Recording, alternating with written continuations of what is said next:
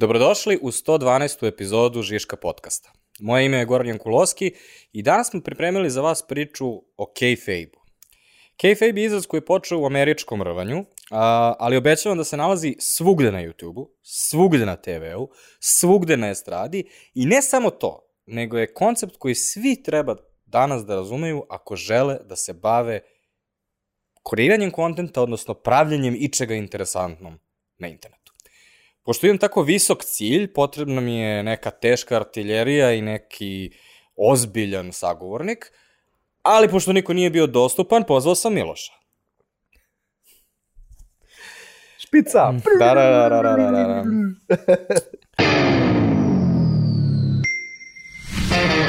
Vi slušate Žiško podcast. Uh, ali pre toga, da definišemo o čemu u stvari pričamo, um, ne želimo da pričamo u stvari o američkom rvanju, to je punchline, nego je to izraz koji smo našli koji najpribližnije oslikava ono o čemu u stvari želimo da pričamo. A, iz, ono, moja najbolja definicija do koja sam uspeo da dođem je neka režirana situacija koja se predstavlja kao da je stvarna. Ti nisi bio zadovoljan tom definicijom. Pa ne, zato što ok, kayfabe se e, vezuje za američko rovanje, to je ono, ako, ako neko ima da ne zna, ono što smo mi zvali catcheri, jeste vi to zvali catcheri? Da. Ovaj, Valjda zato što ga uhvati kada skoči. pa da, ili nešto. Mislim, osnovna predstava je tu, sad tu postoje neki nivoje realnosti, osnovna predstava je tu, stvarno će se desiti meč, stvarno će se desiti borba, znači to je ono, kako bih rekao, u univerzumu tog sporta ili tog entertainmenta ta stvar se dešava.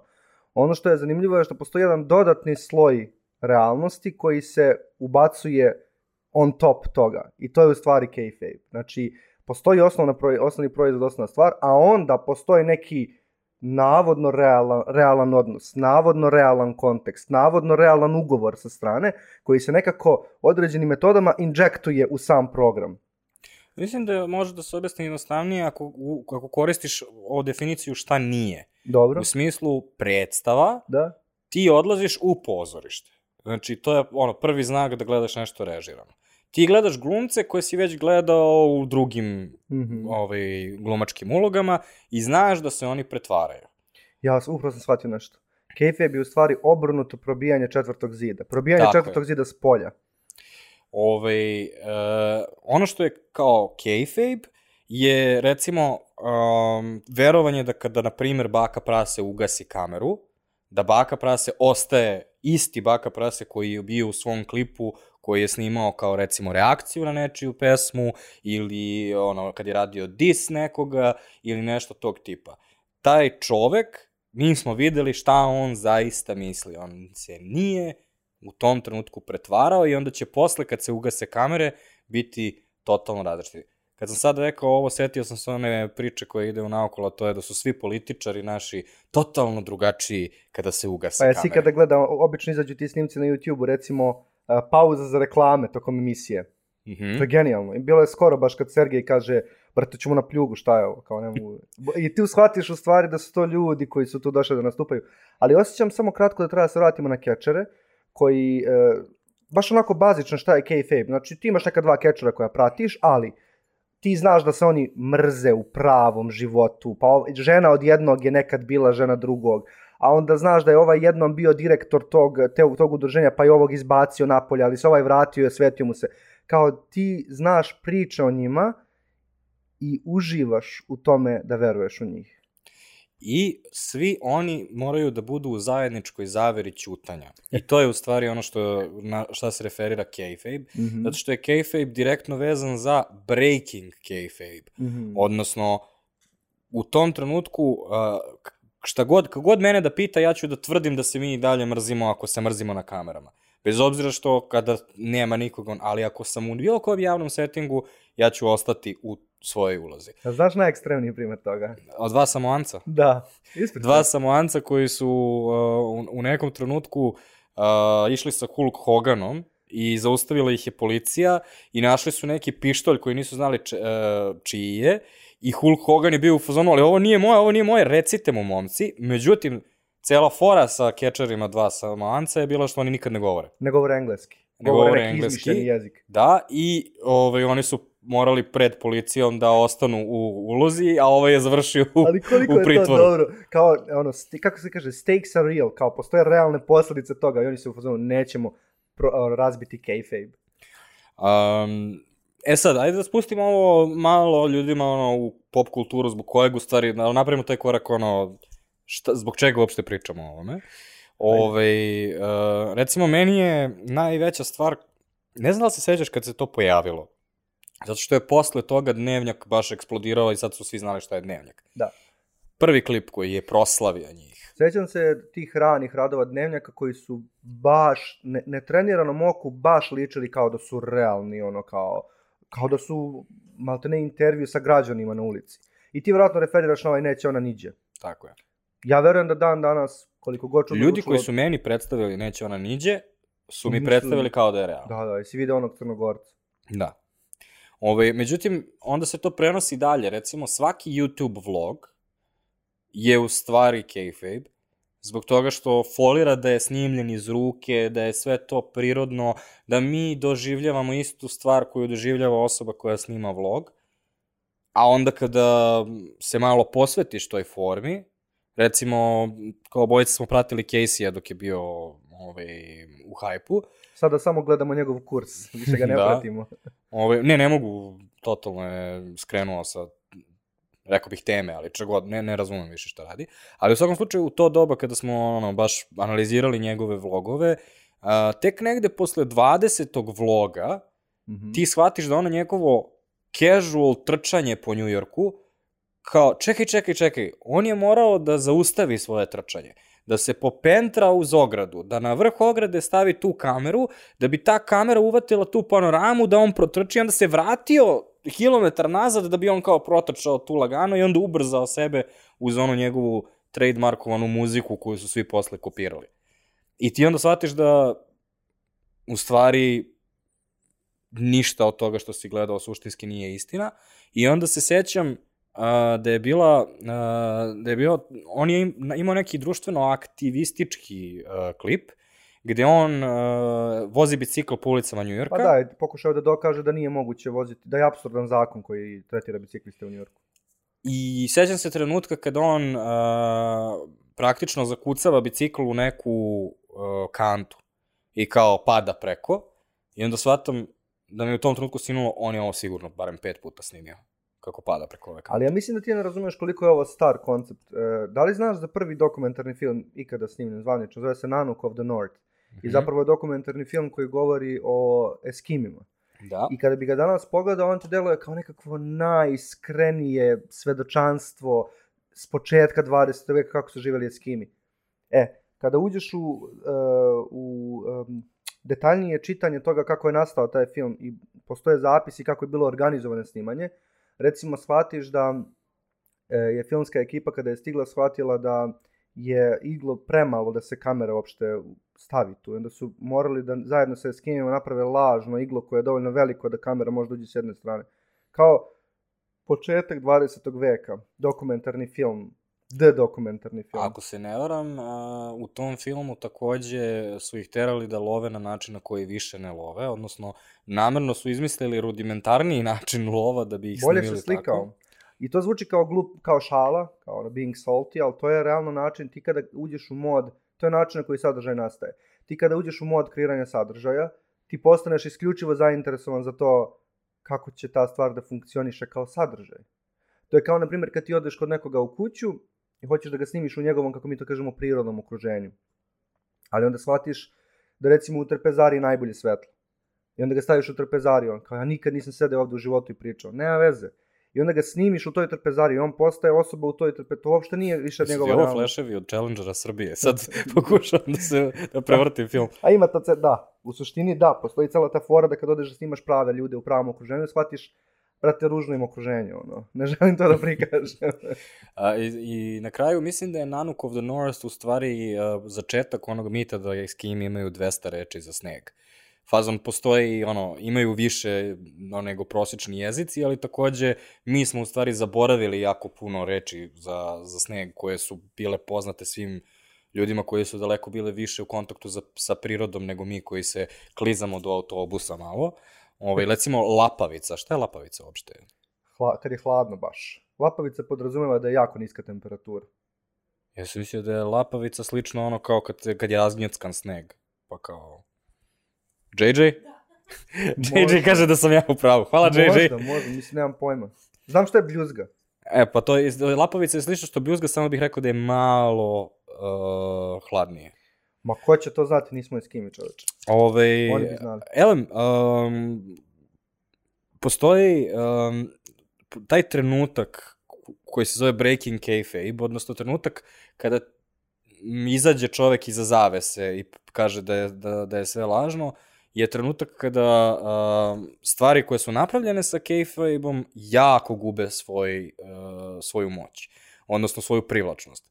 I najbolji primer za to mi je Bear Grylls, Mhm. kada je izašla ona čuvena fotografija gde on, on ima gozbu sa svojim kamermanima i onda ti shvatiš stani malo, pa valjda, kao ja sam ovde bio glup, kao naravno da je Bear Grylls nije egzistirao sam u šumi, naravno su postojali ljudi koji su oko njega imali raznu tehniku, a on, sveća da je njegov cela, cela fora je bila da on kao je slučajno negde kao ono pao sam o, od nekud i onda shvatiš kao Pa da, sve vreme je sigurno bilo dva kamermana sa njim i ta dva kamermana sigurno nisu jela iste bube kao i on. Ali onda su se pojavili, sla- slažem se, to je baš bio downer, ali onda su se pojavili neki tekstovi koji zapravo vrlo precizno objašnjavaju kakav je taj deal između njega i kamermana. To jest šta je dozvoljeno, a šta nije dozvoljeno. U kojim situacijama oni njemu pružaju pomoć ili ne pružaju pomoć.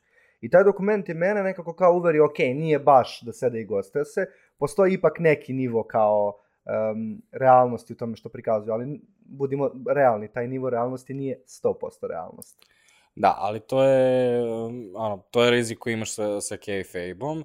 Ovaj, mislim, to bi bio ono, nice save, mm. ovaj, ako su to uradili posle, jer sigurno su oni morali to da, da, Mm. da naprave u nekom trenutku. Međutim, uh, that picture did not look good. Mm. A recimo, um, ovaj poslan klip uh, Brat Pelin u jutarnjem programu. Mene to ostavilo jako zbunjenog. Mislim, ne znam da li možemo nekako da linkujemo to, baš bi bilo korisno, sad ćemo pričati Možemo, zato što postoji na, na YouTube-u ili ako ništa drugo na TikToku da je mene našlo. Meni nije bilo jasno da li on njih tu kayfabe, to jest, da li su se, ovako, da li su se dogovorili. Ajde prvo da objasnimo ljudima šta je klip, pošto oni koji slušaju, Jutarnji program pozvali su tipa sa TikToka, ja sam u pravu. Ili Brat sa, Pelin Da. koji ima i TikTok i YouTube. Da pričaju o njegovom videu koji je otišao viral i onda je on u svom gostovanju nastavio da igra, da roleplayuje tog lika iz klipa. I onda imamo zbunjene voditelje koji pokušavaju s njim ozbiljno da razgovaraju, a on ih troluje ili obrnuto. Dogovorili su se, to je ne obrnuto, nego drugačije dogovorili su se da svi roleplayuju, da oni roleplayuju voditelje koji ne shvataju i da on roleplayuje lika iz klipa. Ovo sam očajno objasnio, ali stvarno mora spovelo. Ne, ali stvara, stvara problem, ovaj, stvarno zato što uh, kada, kada uđeš u ovu uh, zečiju rupu, može da, može da se slaže kao u Inceptionu, ono, um, a, a, level below the level, kako Da. ide to u stvari? Nije. A dream within a dream within a dream. Ove, Suštinski samo je čudno za gledanje, baš je Da. čudno, onako neprijatno. Zato što je tebi instant jasno da u originalnom klipu je on skeč snimio. I onda, ali ovaj, ono što mene u stvari tiltuje je taj trenutak da li su voditelji u stvari namerno uh, isto nas troluju sve i kao, i, ili recimo da li voditelji troluju njega Mm, u stvari i kao, aha, kao evo mi tebi verujemo, ajde ti sad nas kao ložiš mm, i tako dalje. mm. Ove, tako da, ono, da, može, može da se slaže jedno na drugo i time, ono, postaje baš...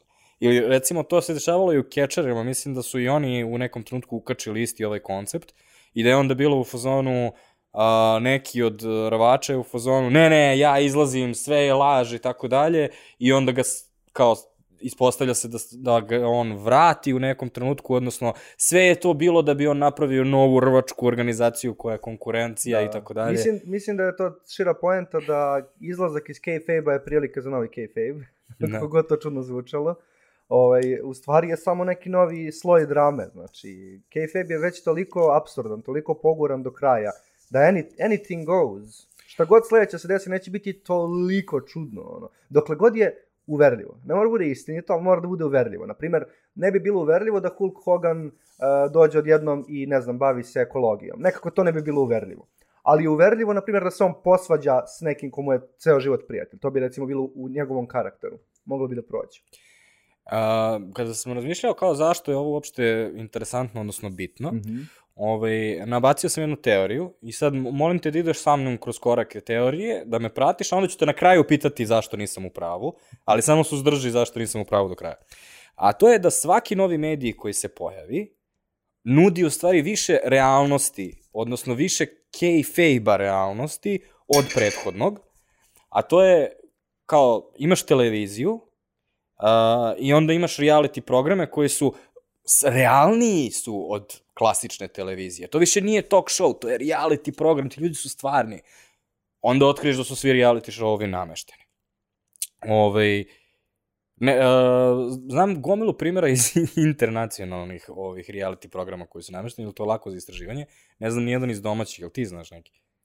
Uh, ne na nivou kao nekog velikog prepričivog skandala, više na nivou kao nekih malih tehnika kreiranja drame, kao ne znam, uskraćivanje osnovnih namirnica, uh, cigareta, puštanje veće količine alkohola, ali to nije baš ono, ti ciljaš baš na konkretne, tipa, ovo dvoje koje su bili u vezi u realitiju su u stvari to dogovorili da ne, ne, ne, nešto, jel da? Pa da, ali u suštini, zar nije um, jedan od najvećih stvari jeste Kija Kockar koja je ušla u reality pošto je gledala emisiju kako njen muž se muva sa drugom ženom u realitiju.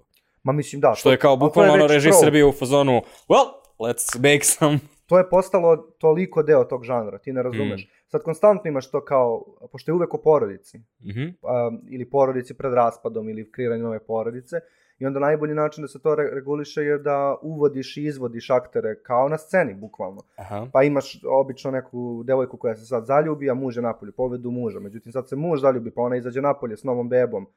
Ne izmišljamo, ovo su buk, to je nivo drame koji se odvija. Ovaj, samo zbog nekakvog socija, socioekonomskog konteksta nisam siguran da svi učesnici naših realitija razumeju kayfabe kao koncept.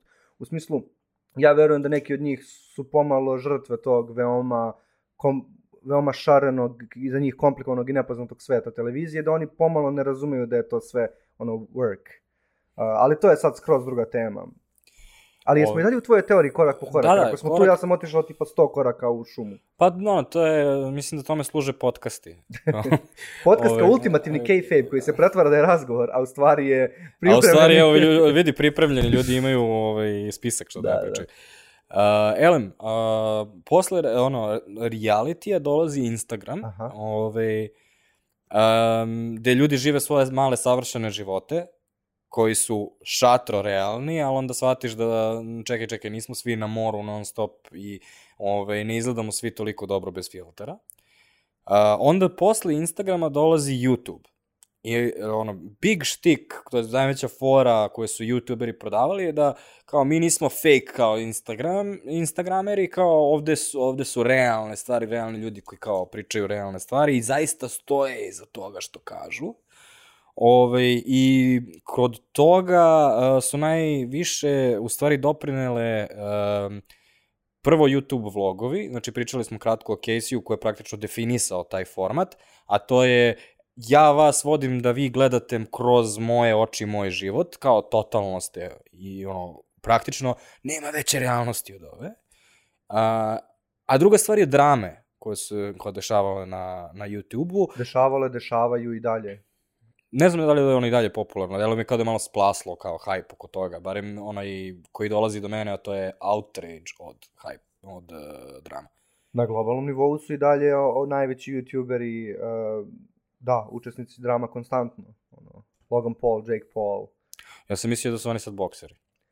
Upravo o to, u tome, zapravo si sam odgovorio na svoje I podcasteri. Ovo ne znam da li si slušao im, uh, kako se Impulsible, ne, impo, Impulsive. Slušao sam malo, ali me više interesovalo, to sam ti već rekao, više sam se zakačao da pratim editore i kreatore oko YouTube zvezda, zato što od njih zapravo čujem zabavnije stvari.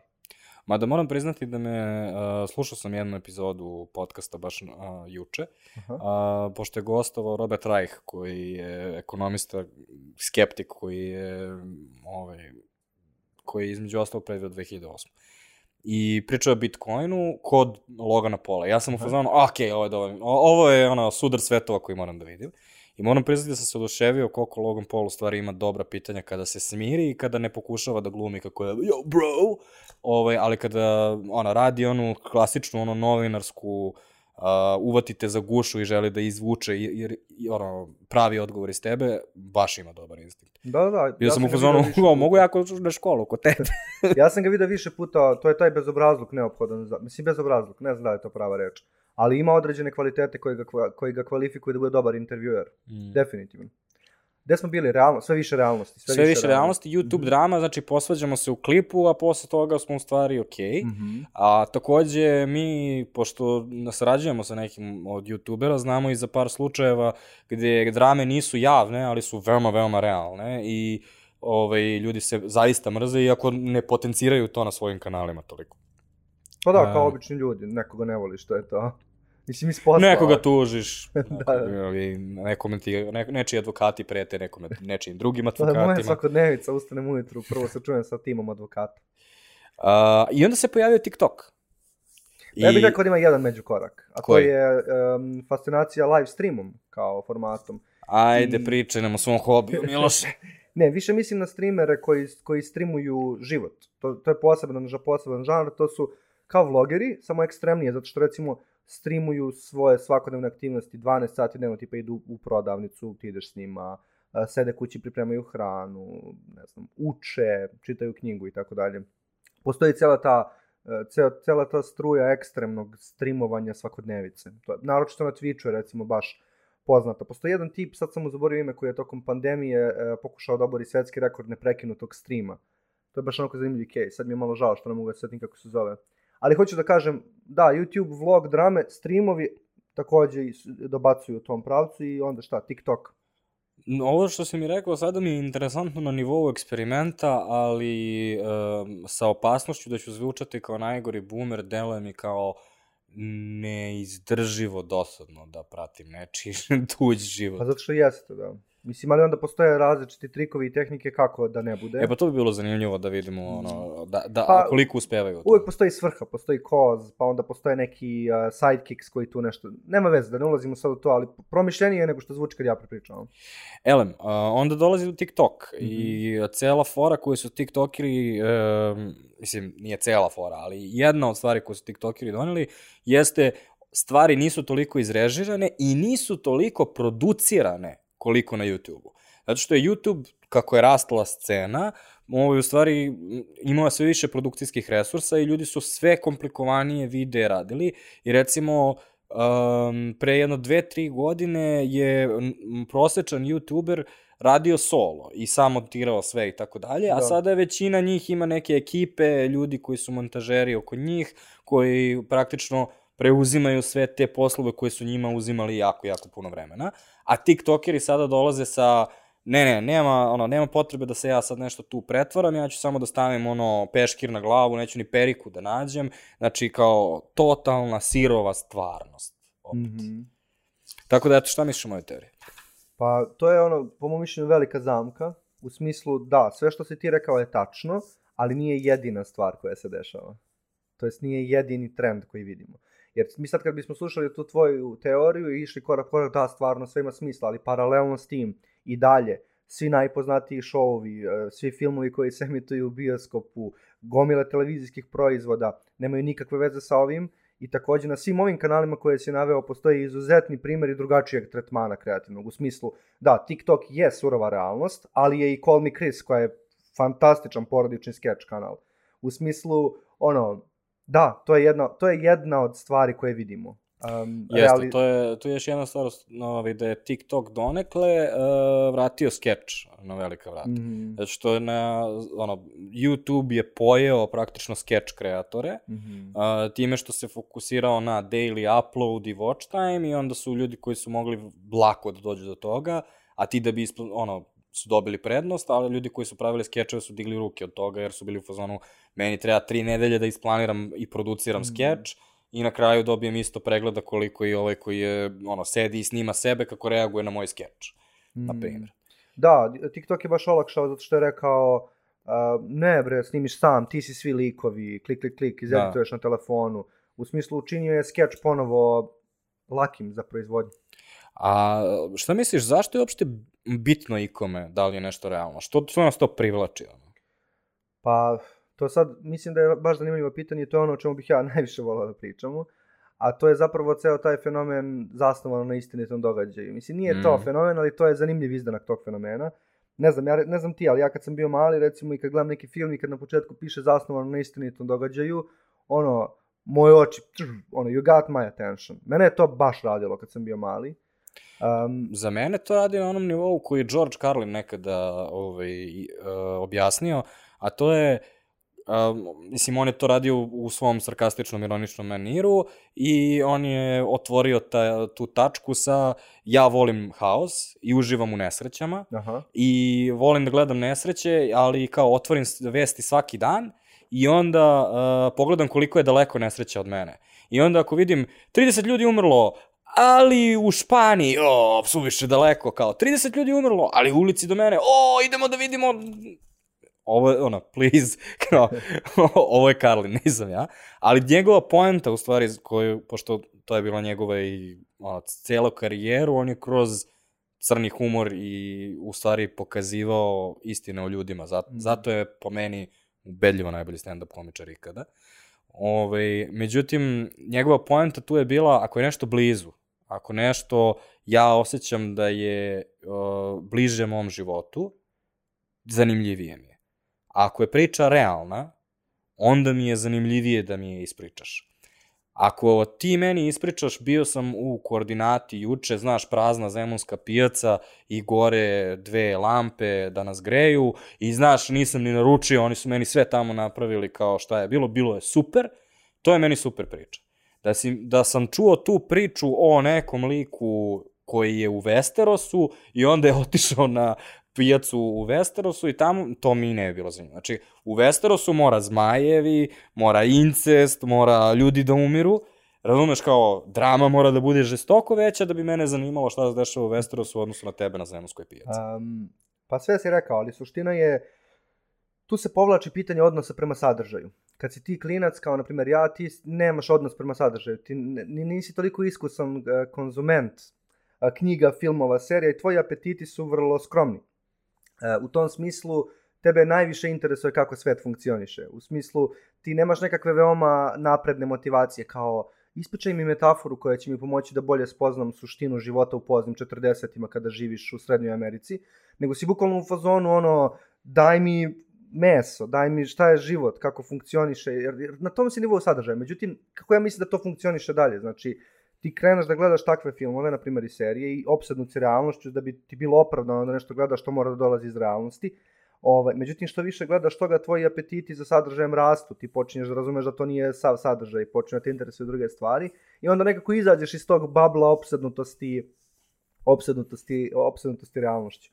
I dosta nekakvih, kao sam čuo, ne znam, dosta komičara se bavilo ovom idejom i kao, ne, ne sjećam se tačno ko je rekao, ali kao, čemu služi na početku filma kao uh, zasnovano istinitom događaju, što to bi trebalo kao da opravda film ili da, da, da ga kao gledamo, da, mu, da nam pomogne da ga gledamo drugačijim očima. Ne znam, bio mi je simpatičan taj rent. Jeste, Um, ali takođe i zaista je nekada neophodno. Mm -hmm. Zato što Moneyball ne radi u slučaju da nije zasnovan na istinitim događajima.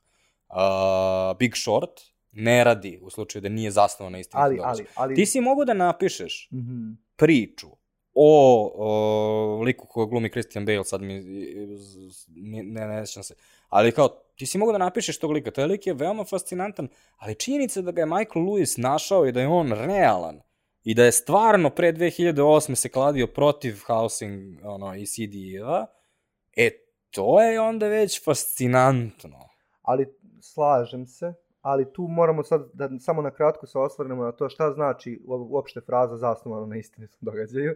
Zato što ta fraza u stvari ne znači skoro ništa. U smislu ona nije obavezujuća. Ona kaže ova priča je zasnovana na istinitom događaju. To možda znači da su svi događaji u filmu istiniti ili da su samo neki.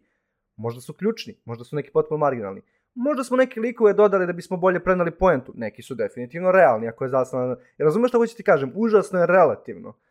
Pa, zato što je svaka priča laž. Ove, Da. ti, kada je, uh, recimo, Michael Lewis je po meni kao pisac, recimo, uh, najbolja stvar koju on radi, on uspe da izvuče u jednoj rečenici ili jednoj anegdoti srž tog lika i da ti predstavi da je taj lik izuzetno interesantan. Da, to je dobro Ovaj, pisanje. A, re- ja, recimo, znaš ono kad krenu pisci da, što u svakom kursu pisanja ti objašnjavaju, a to je opiši svog lika i onda, on je bio visok, crnomanjast, građen, kršno i sa ogromnim prstima, ali uvek je nosio premali kaput.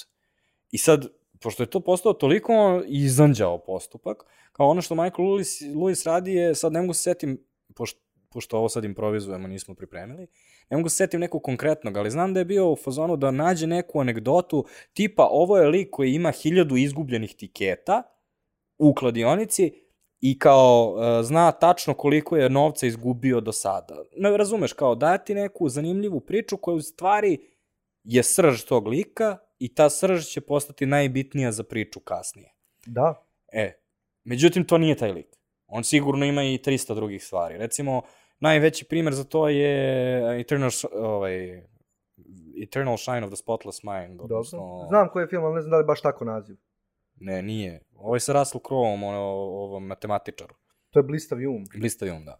Ove, um, I ispostavlja se kada ljudi kao gledaju biografiju ovaj, tog uh, matematičara, da ono, postoje dosta stvari koje su tu izostavljene da bi on bio privlačniji kao lik i da bismo mi na kraju, kada on konačno dobija onu nagradu, da bi nam se steglo srce kada on drži govor i bili bismo u fazonu, "E", a u stvari kada pogledaš kao sve stvari koje on uradio u životu, ipak nije heroj za koga bismo mogli navijati. Imamo već mesecima novinske članke o tome šta je u tom istina, šta nije. Što je meni potpuno, to je toliko jedan nivo naivnosti. Kao, nećete verovati, ova scena zbog koje ste plakali nije se desila. Nemoj da se šališ da nisu u praznom hotelu plesali Ljiljana i njen doktor muž. To se nije desilo, stvarno. Ja sam u fazonu, jel stvarno neko misli da se ovo desilo? Liko uopšte razume kako nastaje jedan film. Ok, sad sam ja salty, ali suština je da, znači bila je cela drama, te ne znam, ovaj odnos nije izgledao ovako. Uh, ja znaš, jesi vi čuli te tekstove? Da, Tipa, da. doktor nije bio, nije postao Po, taj doktor. u Srbiji 2021. i druge godine. Da, da, ali ono što niko ne priča o tome je, to je nekakav ono, rediteljski postupak i postupak pisca koji je verovatno sa ciljem, u smislu postoji razlog iza toga. To je, to je ono što ja sve vreme pokušavam da vratim u razgovor. Postoji razlika između istine i uverljivosti. Nešto može biti neistina, ali može biti uverljivo. I umetnička dela se bave uverljivošću, a ne istinom. U čemu razlika? Razlika je u tome što u poetici tog filma, u onome što taj film pokušava da prenese, taj odnos ima smisla. Niko ne implicira da se on zaista tako desi u realnosti. Niko ne implicira da su njihovi razgovori zaista bili toliko duhoviti, napakovani poentama i tako dalje. Jer nikada nisu. U tom smislu film nikada nije realan. Ali ono, naprosto je neverovatno koliko i dan danas mi nekako ne, nemamo baš neki dobar način da razdvojimo te stvari. Uopšte kao gledalci. Užasno je teško. A, ali zato što smo nas od samog početka sve priče praktično uče da pređemo tu granicu. Mm -hmm. I ta granica ima jedan odličan izraz na engleskom, koji Aha. ja ne mogu da prevedem na srpski, kogod se trudio, ne znam da li si ti ikad uspeo. Zove se suspension of disbelief. Dobro. Uh, I zabavno je zato što je negacija negacije. Znači, suspenzija neverovanja. Odnosno, uh, nije poenta u tome da ja tebi verujem, već nije da ti ne verujem. Mm -hmm. Odličan prevod, stvari, nije da ti ne verujem. Da, da, da. I to, to, no, to nisu kvalitativno iste stvari, ti- ali sva fikcija se u stvari bavi time Da. nije da ti ne verujem. Tvoja priča je dovoljno dobra da neću sada ti serem. Tako to je otprilike to. Ali odličan je, odličan izraz. Ne znam da li postoji, verovatno je neko preveo. A, takođe, a, uvodi u stvari neki balans. Mm -hmm. Uh, zato što, lepo si rekao, odlična priča, pa nije da ti ne verujem. Recimo, uh, Top Gear nekada, odnosno sada Grand Tour. Ovaj, ko, ono, ko prati uh, Clarksona, Hammonda i Meja, um, to, na, to je jednostavno jedan uh, sulud ljubavni odnos, ako ćemo realno. Znaš, ja njih obožavam do imbecilnosti. I ja znam da kada Clarkson izađe da vozi recimo rentirani auto, da se on namerno zakucava u onu ogradu. I da oni sve to predstavljaju kao da se kao da je ono sasvim logično da su njih trojica u ogromnim automobilima ušli u neki mali grad kao što je recimo Kotor i onda pokušavaju da voze ogromne američke limuzine kroz uske ulice Kotora kao. Naravno da bi i ono svaka iole normalna ona, osoba sa gramom mozga bila u fazonu ovo je najgluplja moguća ideja i naravno da će se zaglaviti, ali ja njih to već 15 godina gledam i kao njima ću da oprostim. Kontam da neko, recimo, ko sada ih gleda, bi recimo već gledao sve to što oni rade kao kreveljenje, zbog toga što su oni pre recimo 15 godina kad su počinjali te stvari daleko manje eksperimentisali sa tim ono sprdnjama, ludilima i tako dalje. Recimo, sećam se njihovog čuvenog skeča kada imaju, a, kada igraju ragbi na Twickenhamu sa kolima, koji je isto tako bio ono montiran i režiran i tako dalje, ali ipak su tu daleko više pazili da imaju taj, tu dozu stvarnosti. Danas su više u fazonu, a šta god, samo je da napravimo da bude zanimljivo, ali i dalje nikad neće izaći i reći uh, da, da, ovo je sve bilo ovaj, namešteno. Izuzev imali su za svojih 15 godina karijere jedan jedini trenutak, a to je kad su dobili uh, neku nagradu za najbolji skriptovani show i onda je Clarkson bio u fazonu, pošto su i dalje, oni se stalno svađali sa BBC-em. I onda je bilo, vidite BBC, pišem scenarije kao što, kao što smo dogovorili. Odlično. Ali to je dobar primer zato što pokazuje da je kontekst važan. Znači ti ne možeš danas da tumačiš Postoji realnost i postoji realnost unutar uh, Top Gear univerzuma, da tako kažem. Mi smo se već kao gledalci tog showa dogovorili ono what goes. Šta ide, šta ne ide, šta može, šta ne može. I ne moramo više da objašnjamo tu stvar. Ja bih se vratio bolje na kontekst. Mm -hmm. Ove, ovaj, kontekst bi bio bolja reč možda za ono što... Ono, za, kontekst u kome se sve definiše, šta je realno, šta nije mhm. realno, ko, koji su odnosi koga. Um, I to je recimo paralelno sa onime što psiholozi često kažu mi smo različite osobe u različitim kontekstima. Um, ali recimo u kontekstu boksa postoji isto kayfabe i to je ono mhm. prozivanje koje se dešava uh, pred boks meč. Mm -hmm. um, gde kao postoji ono, pokušavaju da naprave da postoji neka zavada, da bi ljudi više gledali boks. E sad, za razliku od američkog grvanja, ovi ljudi se ovaj, zaista ono, bore u ringu. Um, međutim, taj ceo deo koji je nadgradnja, kada je dobro odrađen, je isto kayfabe, a i praktično kada pogledaš ko su najveća rivalstva boksa ikada, nisu to obavezno bili najbolji bokseri. Da, da. Ali su ljudi koji su uspeli da ispričaju najbolju priču o svojim rivalstvima i Ove, ovaj, tu su mi recimo najbolji primjeri su Ali i Frazier. Mm -hmm. Ove, ovaj, gde, uh, mislim, a, ono, Ali je bio uh, ono, osoba koja je veoma puno lajala. Ove, I logično je bilo da, da, da bi on na, završio na nekoj listi najboljih kayfabe-ovaca ikada. Međutim, uh, on je toliko gurao granice onoga što je prihvatljivo, mislim, time i što je prešao u naciju islama i onda kada je radio drugu borbu, valjda, sa Frazierom, ovaj, koja je bila Rumble in the Jungle, Aha. Ovaj, uh, on je u tom trenutku uh, imao pesmicu I'm gonna kill a the gorilla in Manila što je bilo užasno divisive za uh, crnačku zajednicu u Americi zbog toga što ga je nazvao gorilom, što je ono jedna od najvećih uvreda. I sad, ovo je, ovo je ako, ako je istina, ovo je uh, najdugovečniji primer kayfabe-a i možda na, slično ono kao samoancima, ono neverovatno da neko i dalje nije ovaj, breakovo karakter. Mada, ono, većina ja recimo verujem i većina ljudi koje, ono, koje sam pogupio na internetu, veruju da je ta zavada u tom trenutku kad ga je nazvao gorilom postala stvarna. Aha. Oni su imali tri meča ovaj, koje su ono, ono, kao jedni od epskih boks, boks mečeva, ali to je, ja nisam bokserski sudija da znam da li su oni zaista dobro boksovali, ali kao ta priča je fenomenalno ispričana. Um, postoji dokumentarac o njihovom rivalstvu, uh, u trenutku kada je Ali već invalid praktično. Uh, I u, i, o, dolaze do Frejžera i uh, on im pušta svoju telefonsku sekretaricu u koja kaže uh, float like a butterfly, sting like a bee. I done the job. He knows. Look and see. Znači, on je u fazonu razlog zašto Ali trenutno izgleda tako kao što izgleda je zato što je popio toliko udaraca od mene u Manili. Mhm, mhm. Ne u Manili, nego ove sledeće, mislim da... Da, u Manili je bilo treća onda u stvari. Ove, I kao, ono, ta mržnja koju kao oni i dalje imaju, ali onda u istom tom trenutku oni su, oni su zajedno snimili taj, taj dokumentarac i postoji ona njihova slika koja je naslovnica za koju znaš da stoji kod mene u sobi, ovaj, gde su njih dvojica kao matorci u uh, svojim robovima u kojima su izlašli tada, kao da su jedan do drugog. I sad, da li je to bio kayfabe ili ne, ili kao šta bi se desilo da njih dvojica su izašli tada kao matorci i rekli A ne, to smo se samo zezali, ja se nisam zaista ja mislim, ljutio na njega. Ja mislim da je jednostavnije od toga, mislim da samo kada nekoga dovoljno dugo jako mrziš, nekako ga malo i zavoliš. nekako mi to deluje kao da je ta ljubavna priča. Ali važna stvar koju si pomenuo, koja je meni ostala iz svega ovoga uh, najglasnija je sport i kayfabe. Generalno, zašto sportu treba kayfabe? Uh, baš zato što ti nisi bokserski sudija. Tebi treba neki mehanizam da uživaš u tome, treba ti neki mehanizam da čitaš šta se dešava na terenu.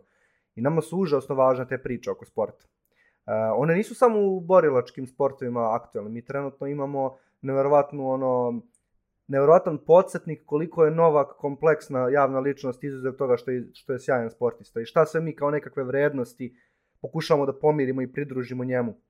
Ili recimo futbal koji meni nije blizak kao, kao sport, ali znam priče o klubovima koji su mali klubovi, pa onda klubovi koje su kupili šejci, pa šta mali klubovi koji se nisu promenili 20 godina misle o velikim klubovima, to su priče koje, su, koje nema nikakve veze sa sportom, ali suština je da je lepše i zabavnije gledati sportski meč kada imaš sloj kayfabe oko toga, to je sloj nečega što definitivno kao ljudsko biće možeš da razumeš u trenutku kada ne razumeš ko bolje igra futbal. Pa možeš napraviti argument da je čitav profesionalni sport kayfabe. Zato što recimo mi kad igramo amaterski ragbi, onda ljudi igraju tamo gde hoće da igraju, da, im, da su im ortaci sa kojima piju posle ragbija. Mm. Međutim, kada si ti profesionalni sportista, ti ideš tamo gde možeš da dobiješ najbolju kompenzaciju za svoj rad, a uz, kad kažem kompenzaciju, ne mislim samo novac, nego i da ti tamo bude udobno, da radiš sa dobrim trenerom, da možda imaš najbolju šansu da osvojiš šampiona, tako je to ono što te motiviše. Međutim, ako je to tako, onda šta ostaje, šta je klub? Šta, ono, šta su ti igrači koji izađu na teren? Znaš, da li je taj klub taj stadion? Da li je taj klub, recimo, u UK kulturi, koji ja znam dosta dobro zbog ragbija, postoje, kada kažeš klub, ti u stvari misliš na restoran, odnosno mesto gde se ljudi obični okupljaju, dolaze tu da, ono, ono tu im treniraju deca i tako dalje. To je kao klub u smislu mesto za bleju na tom mm -hmm. nekom nivou. Mm -hmm. Kao je to onda klub? Ili je klub samo taj badge? Ili je klub kao ono u Americi kada preneste Raiderse iz Oaklanda u Los Angeles? I kao sad odjedno, misli kao neku zvezdu uzme i kao prebaci ih u Novi Sad. Kao, znaš koliko je to ono, koliko su sve to fluidni koncepti i u nekom trenutku da, neko mora da poveruje da za to ono već generacije ono izgaraju i kao ono subotom uveče sve što mi je bitno u životu je da li će taj lik u tom dresu da zabije gol. To je ono što nas interesuje. To nam omogućava da uživamo u tome i da se ne opterećujemo previše tim stvarima koje si ti sad pomenuo, koje su profesionalni sport, biznis, raci, kalkulisanje, racionalnost, svemu tome, to nas ne uzbuđuje toliko. Elem, a, prošli smo najveće srpske teme, politiku, Ni, sport. Nismo sve, da reci. A, ali, najveće pitanje ovog podcasta u stvari dolazi sada. Jeca ili ceca? koliko to nije najveće pitanje. ovaj, nema šansa da ću ti odgovorim na to. Ne, pitanje je da li je kayfabe. Pa možda jedan od najvećih na našem... E, ima jedan koji je meni važniji, ali ovo je jedan od najvećih uopšte u, ono, u našem regionu, da, definitivno. A opet zato što to nije pitanje Jelena Karleuša ili Ceca, nego je pitanje da li si ti um, Jelena Karleuša čovek ili Ceca čovek, što sa sobom nosi čitav snop i skup vrednosti, ideja, uverenja i tako dalje. Um, mada se i to dosta menja, mislim, baš je, baš je zanimljivo, to ono što smo malo pre rekli, breaking the kayfabe je samo prilika za novi kayfabe, ali ne veze, to je možda previše daleko otišlo. Moram samo da izvučem još jedan koji je meni relevantan, pa ćemo se vratiti na Jecu i Cecu, a to je Ja i dan danas ne znam da li su ovaj, Milan Stanković i Rada Manojlović zaista bili u vezi. I ne mogu, brat, ne mogu da napustim tu temu, jednostavno i dalje mi je važno i dalje me okupira. Jer kao, ako nisu zaista, to je genijalno. Ako jesu, zašto i dalje nisu? Onda je skroz jedna tužna priča. Ali da, definitivno. Ove, inače, e, veze između, lažne veze između celebritija su, on, na zapadu su već, e, postoje ljudi koji ono, to prate, ono, pasionirano u smislu, uh, ono, postoji, postoji lista argumenta koju možeš da prođeš, kao Mm. zašto ovo dvoje nisu zaista zajedno. A, kod nas, ono, čuo sam za to, ali ni, nisam se pretarano informisao, jer kao, ono, ne znam, Milan Stanković posle Tokio trilogije mi je nekako ispao iz, iz moje sfere interesovanja. Pa da, prešao je granice Balkana i postao globalni fenomen. Možemo to tako prosmatrati, Ali, ali, da, više od toga je, e, ovaj, da li je, ono što je, ono što je tu interesantno je, kao postoji mogućnost da se, a, ovo što smo pričali, ovaj dogovor oko kayfabe-a, on može da se desi i prećutno. mm, Kao u smislu, a, ono, moguće je da ono, dve osobe koje se nikad nisu videle međusobno, kao u stvari prećutno dogovore da je njihova zavada dobra za obe osobe i kao, da, da, kao mi se mrzimo, u stvari se nikad nismo upoznali, ali kao, to je ono, posao u kome, znaš ono, posao je. Pa znaš onaj čuveni audio posao. snimak eh, kada se u studiju, mislim, audio je snimak, ja ću te sad ispričati kao da sam bio tamo, jer tako funkcioniš ljudski mozak. Znači, na audio snimku se čuju glasovi Cece i Dragane Mirković. E, navodno je audio snimak nastao u hodniku pred ulazak u studije za snimanje emisije, neke koje, u kojoj su prvi put bile i jedna i druga nakon, ne znam, 20 godina ovaj, mimo ilaženja. Mimo ilaženja ili, ili mržnje, na, naš ne znamo tačno njihov odnos, a možda su samo nebitne jedna druga, ali nebitno. Audio snimak kaže, sad ću jako loše parafrazirati, ali kao, jel se znamo nas dve? A drugi glas kaže, ne znam, ti odluči. I zvuči onako baš kao, uh, kao tačno taj fine, kao da li ne znaju ni one, bukvalno, razumiješ što ću ti kažem? Pa da, ali to, to je to, to je razumevanje, Da. to je kao u ovim uh, kriminalističkim filmovima kada se dva lopova na kraju razumeju da su i ono, ipak lopovi i to što je jedan zezno od drugog je samo znači da je još bolji ortak. Da, Znaš, da, taj da. fazon. To je bukvalno to. E, što se tiče Jelena Karleuša i Cece, neću ostaviti u magli, ja sam uz sve uh, prelja, preljavštine Jelene Karleuša, ja sam uvek team JK. To je kao, bitno mi je da to nekako ostane javno zabeleženo. I da, svestan sam da je za novu godinu uh, se uradila stvar. It's fine. Ovaj, ja bih morao da ostanem na ovaj, tim Ceca. Stvarno. Ovaj, da, uh, ovaj, sa, sa, uh, sa čistog spektatorskog aspekta, u smislu, ne bih rekao da se poistovećujem sa bilo čime, u smislu niti ono, vrednosti, niti stavova, niti nekih uh, scena koje se dešavaju u njenim uh, pesmama, ali mi je sve to me pogađa Aha. na nekom, za, ono, pogađa me na nekom drugom nivou nego, ok, zabavno mi je kao insomnija, zabavno mi je ostavljaš me zadnji put, kao, zabavno, ali to nije ličiš na moga oca. Kao, to, to, nije, to, to ne igra na istom terenu. Ti voliš da... Da, da, razumem u čemu je razlika. Ti voliš te teške teme. Da, da, da, ja ono, ne, ne, ne ono dođi da popijemo tekilu, nego dođi da se drogiramo lopatom u glavu. To, to, taj nivo. Ok, možeš ti da budeš ceca, ja ću i dalje biti s tobom ok. Ove, eto, ove, po, podelila se Žiška. Imam još, imam još dve stvari koje možda nisi, koje ti nisu prošle kroz glavu, koje su zanimljivi primjeri nekakvog kayfabe-a, ajde recimo tako. Jedan je Milić Vukašinović, za kojeg, ne znam, video sam tog čoveka ujutru kako kupuje hlebu u radnici na Karaburmi i bio je u kayfabe-u, tako da počinjem da mislim da mo, u toj svom karakteru full on. Da, da, on je, on, on, on je taj lik, između ostalog, e, to sam čitao Fire on to Sarajevu, Aha, a, i u, tamo postoji jedno poglavlje kada su prvi put Jenele upoznao Milića Vukošinovića i bukvalno to je najveći rock and roll život koji sam video opisan na ovim prostorima. To je ono, varijanta došao je sa bocom uh, Jacka i onda izvadio bocu vinjaka kad smo došli kući i kao shvatio sam da je ono čovjek popio ono više nego svi mi zajedno dok smo ono bili zajedno tri sata fazom. mm, i drugi koji meni I jako... nastavio dalje i ono Da, da, ne, totalno kupujem tu priču, a drugi koji je meni jako zanimljiv je uh, Rambo Amadeus. Mm. Ali to je u stvari drugo pitanje. To je pitanje svesti o tome da imaš public personu, koja je verovatno vrlo odvojena od tvoje privatne persone i manipulacija time. Prosto ti sad gradiš tog lika, uh, radiš stvari koje bi on uradio i tako dalje. Meni to de, definitivno mogu da osetim kod, baš kod Ramba da ono, on nekada kao ima taj uh, glasnogovornički mod, mm. pogotovo zato što on često se na svojim koncertima praktično ispadne iz uh, ono, između pesama, on u stvari počne da priča neke, ovaj, neke priče. Ove, tako da kod njega mogu da osetim to, ali uh, mislim da je Mislim da je to više kao glasnogovorništvo, u smislu da on misli to, ali da je sklon preterivanju naraciji i metaforama kada je na stage-u. Mm. Inače, jednom, jednom sam sa njim stajao u redu za neku supu na Trenchtown festivalu, to je bilo prezabavno. Znači, ono, Rambu koji priča ono o najobičnijim stvarima, tipa, a gde su ovde vilnjuške? I ostalo, i ostalo znaš, kao... Ove, ovaj, nego, a, postoji i postoji jedna primena ovoga, koji je ono, nekako dobar zaključak za ljude koji nas prate iz industrije, a, a to je da je sve živo je namešteno. Dobro. Znači, za što se tiče ljudi koji nisu iz industrije, nemojte da se šokirate kada saznate da je bilo šta što ste videli da je snimljeno namešteno. Sve je namešteno.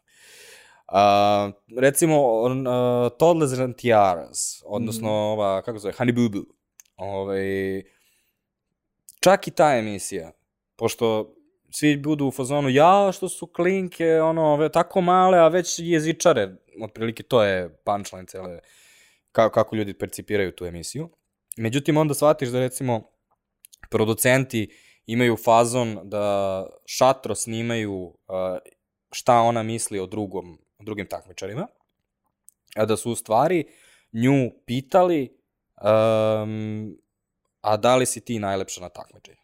A onda u ono što ti vidiš izmontirano je, ono, ona odgovara da li je najlepša na takmičenju, a kao da odgo, ono, oni stavljaju da je pitanje na koje ona odgovara u stvari uh, šta misliš o drugim takmičarkama. I na taj način ono odmah naprave dramu i konflikt. Mm. Uh, međutim, ono što je, uh, ono što smo mi imali kao više puta, a to je uh, viralni videi.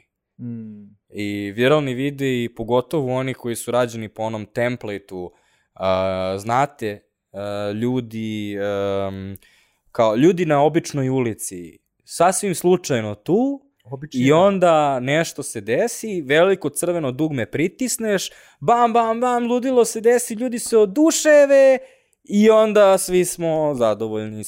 O, viralni video koji recimo zove se Big Red, Red Button, odnosno uh, Push to Add Drama, Aha.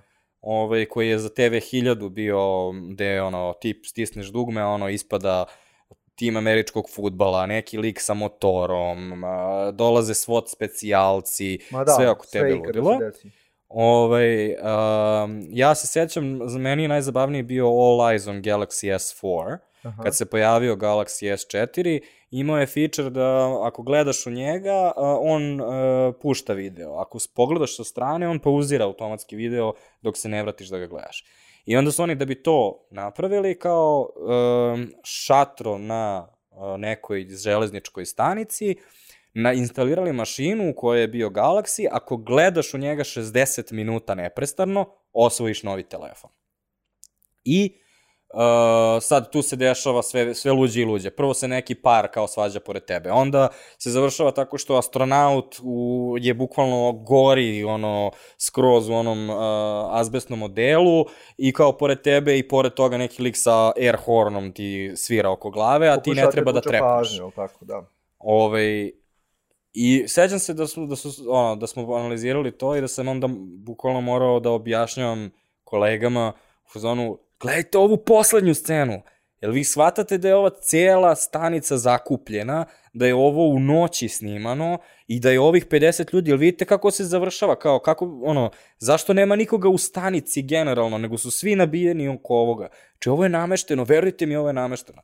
Jer čak i ljudi koji su bili u ovoj industriji nisu uvek razumeli ili nisu hteli da veruju da su te stvari nameštene. Tako je, mislim, najkorisnije je da razmišljaš o ovome na način da svaka, svako pretvaranje stvarnosti u sadržaj, u smislu snimanje filma, pravljanje fotografije, šta god da je format, ne smeš to više nekako naivno posmatrati kao realnost. Moraš da osvestiš sve mehanizme koji su potrebni da bi se ta stvarnost kao osnova oblikovala. U najmanju ruku to je editing, ali i neki casting, što ti kažeš, svi ti ljudi koji učestvuju u tim videima su odabrani da izgledaju kao random ljudi. Znaš već kako se radi taj casting, ono kao treba nam jedan malo ovako neki urbaniji, pa neki par, pa neki stariji čovjek koji je zbunjen, pa neka... Jel ti sad opisuješ ljude koji su glumili u drami u taksiju? ne, malte ne. Ali da, suština je, baš je korisno da osvestiš da to nije realnost i da budeš, to nije kao sad, nije realnost i to je loše, ne, nije realnost jer logično neki profesionalci prave neki sadržaj, znači samim mm -hmm. tim nije realnost, nema ništa zlo u tome. Ali onda kada to osvestiš, onda možeš samo da odlučiš koja je namera iza tog sadržaja, da li si ti okej okay, s tim, da li ti se dopada. Jel ti, je zabavan? Jel, da ti je zabavan kayfabe? Ove, ali takođe, uh, mislim da i kada praviš bilo šta, treba da budeš svestan gde si na toj liniji. Aha. I treba da budeš svestan da, da je ta linija jedna osa, a da je druga osa koliko si interesantan, odnosno koliko možeš da tvrdiš za sebe. Mm. I recimo, ne znam da li se sećaš svih tih kampanja, Uh, ja ću ti navesti jednu, ali to je bio ceo pokret ovih kampanja. Između ostalog, postoji ova knjiga koja se zove, tu je negde iza tebe, End of Advertising, eno je tamo, ovaj, u kojem uh, gospodin, evo sad ću ga počitati, Andrew Essex se zove, ovaj, pokušava da nas ubedi kako je advertising prevaziđen i da sve što treba sada da se dešavaju su, one kam, su ovakve kampanje gde se nešto desi u realnosti i onda, znaš, to, ono, ti proizvodiš zaista neku vrednost za ljude recimo zapoz koji, um, koji one koji proizvodi one kutije na aerodromu za uh, u koje stavljaš svoj kaiš i svoje aha, patike aha. i onda oni, znaš, proizvode to i doniraju i kao to je super. Koristi City Bike kao primer, City Bike je onaj zajednički bicikl, a City je banka ovaj, u New Yorku bila Aha. koja je ovaj, prva sponzorisala taj program bicikala koje uzmeš na recimo Novom Beogradu, ostaviš bicikl na, u Knez Mihajlovoj na obratnom mestu, platiš nekih recimo 100 dinara i kao imaš ta, tu vrstu prevoza u velikim gradovima. Ili recimo o, ovaj sve Coca-Cola mašine, ako se sećaš njih. Mm -hmm Uh, I bila je uh, kampanja koju, koju sam nedavno čuo u nekom podcastu, um, to je podcast se zove Under the Influence, podcast, podcast o advertisingu, zabavanje, uh, je iz Izraela kampanja, gde su napravili poseban čep za Coca-Cola. Znači, dođeš na mašinu, mašina ti izbaci Coca-Cola i shvatiš da ta Coca-Cola ima drugačiji čep. I onda shvatiš po ispisu da ne možeš da otvoriš tu Coca-Cola dok ne dađeš nekog drugog koji isto ima takvu Coca-Cola i onda zajedno postanete prijatelji i otvorite svoje Coca-Cola oh, tim čepovima. Okay. I onda, e, i logistika, zakon, uh, hoću moju fucking Coca-Cola, ne želim da se družim. Razumeš, kao, ono, bilo ko ko krene u realizaciju toga, automatski te napadnu gomala stvari. E sad, ono što je za mene u stvari tu zabavno je što je u tom podcastu Under the Influence ovo navedeno kao odlična kampanja. Ove, I kao što kažem, ljudi su pisali knjige i postoje ceo taj ono talas tog marketinga, koji je u stvari bio kayfabe marketing. U smislu, sve te kampanje su pretendovale da se to zaista sve izdešavalo. Hmm. Da su... Uh, bila je neka, sećam se, Coke mašina koja je dve Coca-Cola spajala zajedno Coca-Cola mašina koja, uh, ono, možeš da radiš sklekove da bi dobio Coca-Cola, da bi te inspirisali da vežbaš. Uh, Coca-Cola Zero gde treba da juriš Bonda. Ove, mm. kao da bi promovisali vezu između Coca-Cola Zero i Jamesa Bonda, ove, ti dođeš, pritisneš dugme, krene žena pored tebe da svira violinu i ti treba da dođeš na neki drugi kraj aerodroma i ovaj, dobit ćeš neku nagradu. Mm. Jer Coca-Cola Zero.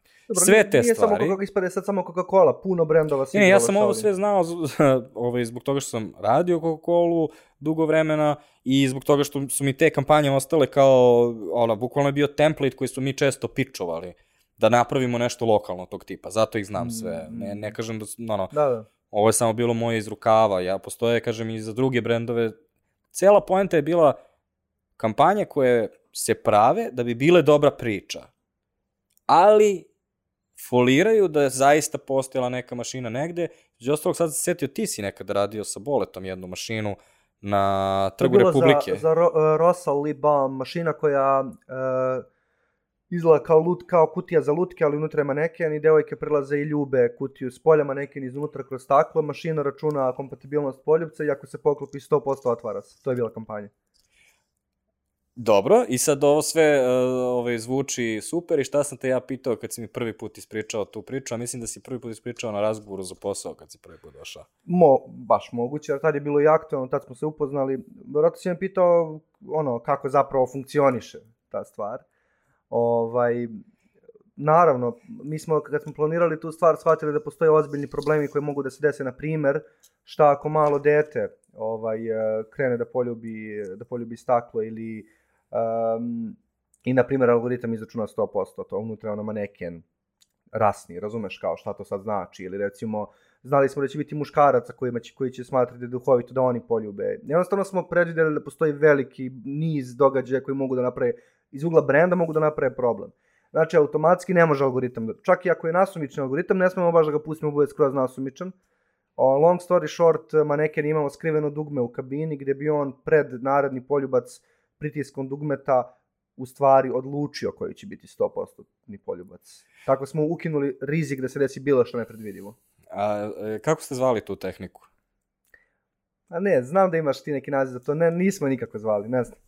O, ja sam je uvek zvao Monkey in the Machine. Pa da, da. da. Majmun u mašini, machine. ali imaš uh, lep način za to je mehanički turčin. Da, da, da, da, da, da. odnosno Mechanical Turk i u stvari e, postoje farme mehaničkih turčina trenutno koji pomažu u stvari artificial intelligence-u ovaj, i jako puno uh, projekata za koje čitaš kao da su ono, uspesi artificial intelligence-a da detektuje ovo, detektuje ono, su u stvari artificial intelligence daje predlog, a mehanički turčin odobrava mm. i kao ono, postoje ono, firme kao što je ono, ono, firme u kao zemljama trećeg sveta koji imaju kao gomilu mehaničkih turaka. Mislim, to je zanimljivo zato što u stvari dovodi, opet relativizuje to što mi, tre, to što mi zamišljamo da je stvarnost. Mislim da je to baš bitno da se osvesti. Um, iz cele ove priče zapravo, mislim da je to najbitnija poenta. Da, da se osvesti da ono, treba biti veoma pažljiv s tim, s tim zaključkom da je nešto stvarno ili nije stvarno. Ove, uh, kada smo spremali ovu, uh, to je kada si birao temu za ovo, rekao si ovo mi deluje zanimljivo zašto nemam pojma šta znači. Nisam znao izraz, kayfabe, da. I sada kada si saznao više o njemu, da li ti je žao što si baš ovo izabrao za temu?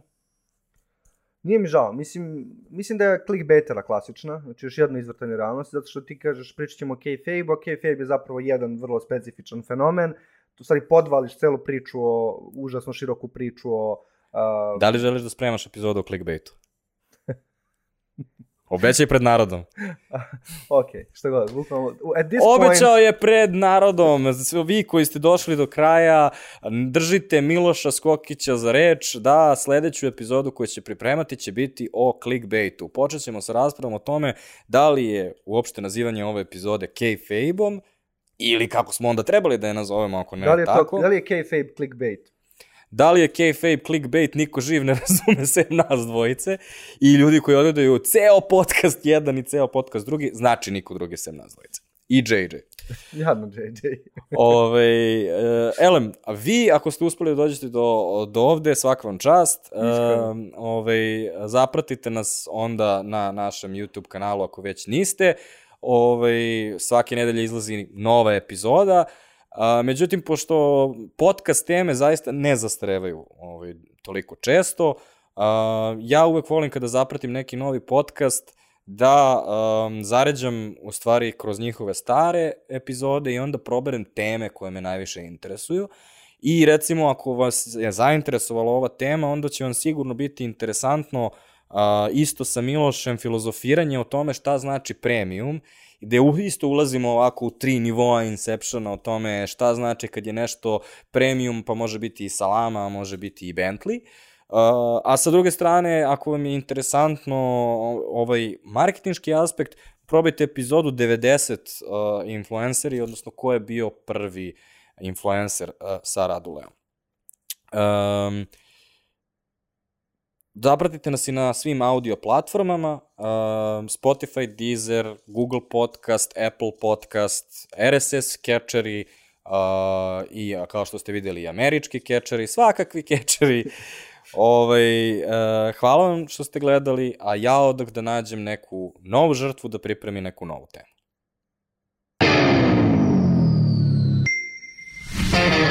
Vi slušate Žiško podcast.